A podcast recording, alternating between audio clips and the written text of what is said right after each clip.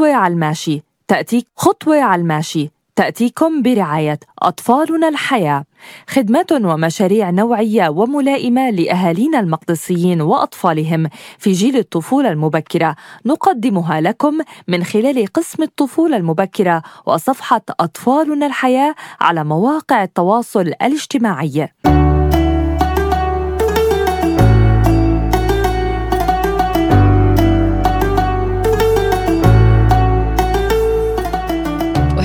الحلقة رقم 19 معكم من خطوة على الماشي وبنكون عن جد بنتمنى إنه جاوبنا على الأسئلة بطريقة إنتو كانت بالنسبة لكم آه، ملمة وشافية وكافية ووافية. واخترنا كمان السؤال اللي إنتو بعتوا لنا إياه وهذا السؤال أنا باعتقادي آه، تشارك فيه كتير ناس وبعتوه كتير ناس وسؤال مهم جدا وبضله يتكرر وكل مرة بضله يتكرر هذا السؤال. كيف يمكن التعامل؟ مع نوبات الغضب لدى الأطفال. ممكن نسميه أنه هذا سؤال ترند كمان. هذا و... وأي فئة عمرية أيضا تمام. بتعاني أكثر من نوبات الغضب. بدنا نجاوب على الشقين. ممكن نبلش بالشق الثاني. آه، نجاوب على الشق الثاني. طبعا الخيار أه لك بس وقتك بلش. يلا.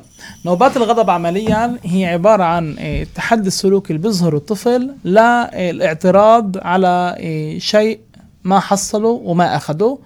هون بدي أخصص الجواب للأطفال إيه، في التطور الطبيعي في التاخر في التطور.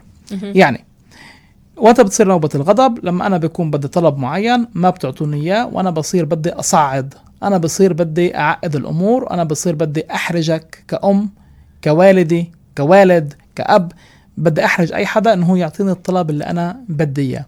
وين بصير الإشي؟ وين الإشي بصير بطريقة شائعة ومن أي أعمار؟ بتبدأ من أعمار السنة ونص سنة وثمان أشهر وبنطلع من هيك بحين ما بصير الطفل واعي لإحتياجاته وواعي لرغباته. وكمان في هالأعمار الصغيرة ليش بتبدأ؟ لأنه مهارات الاتصال والتواصل عندهن ما بتكون متطورة كتير. بمعنى إنه أنا ما بقدر أقول لك أنا بدي إسا أشتري بوظه ولو إنك أنت بتمر عن هذا المحل ما بيفيدك أنا بدي أشتري. فالوسيلة هو بيلاقيها إنه يبدأ يبكي يبدأ يصرخ يزت حاله على الأرض يصير آه، يسبح في الأرض عمليا وبصير يتطلع على عيوننا ويتطلع على نوباتنا والأهم من هيك ننتبه وإحنا موجودين برا بصيروا يراقبوا هل إحنا رايحين نتأثر اجتماعيا أو لا. فشو الحل وكيف كيفية التعامل معها؟ ما تخافوا من نوبات الغضب إشي جدا طبيعي وإشي أصلا جدا كمان صحي في تطور شخصية طفلتكم أو طفلكم. بحين ما بتبدأ نوبة الغضب برجع بقول مرام أهم شيء إنه إحنا نحافظ على أمن وأمان الطفل. يعني مش إنه بنكون في المول إيه، أو بنكون في دكان وبنتركه وبنمشي مسافة كتير بعيدة. وما بعرف شو بده يصير فيه وما بعرف مين ممكن يأذيه. لا.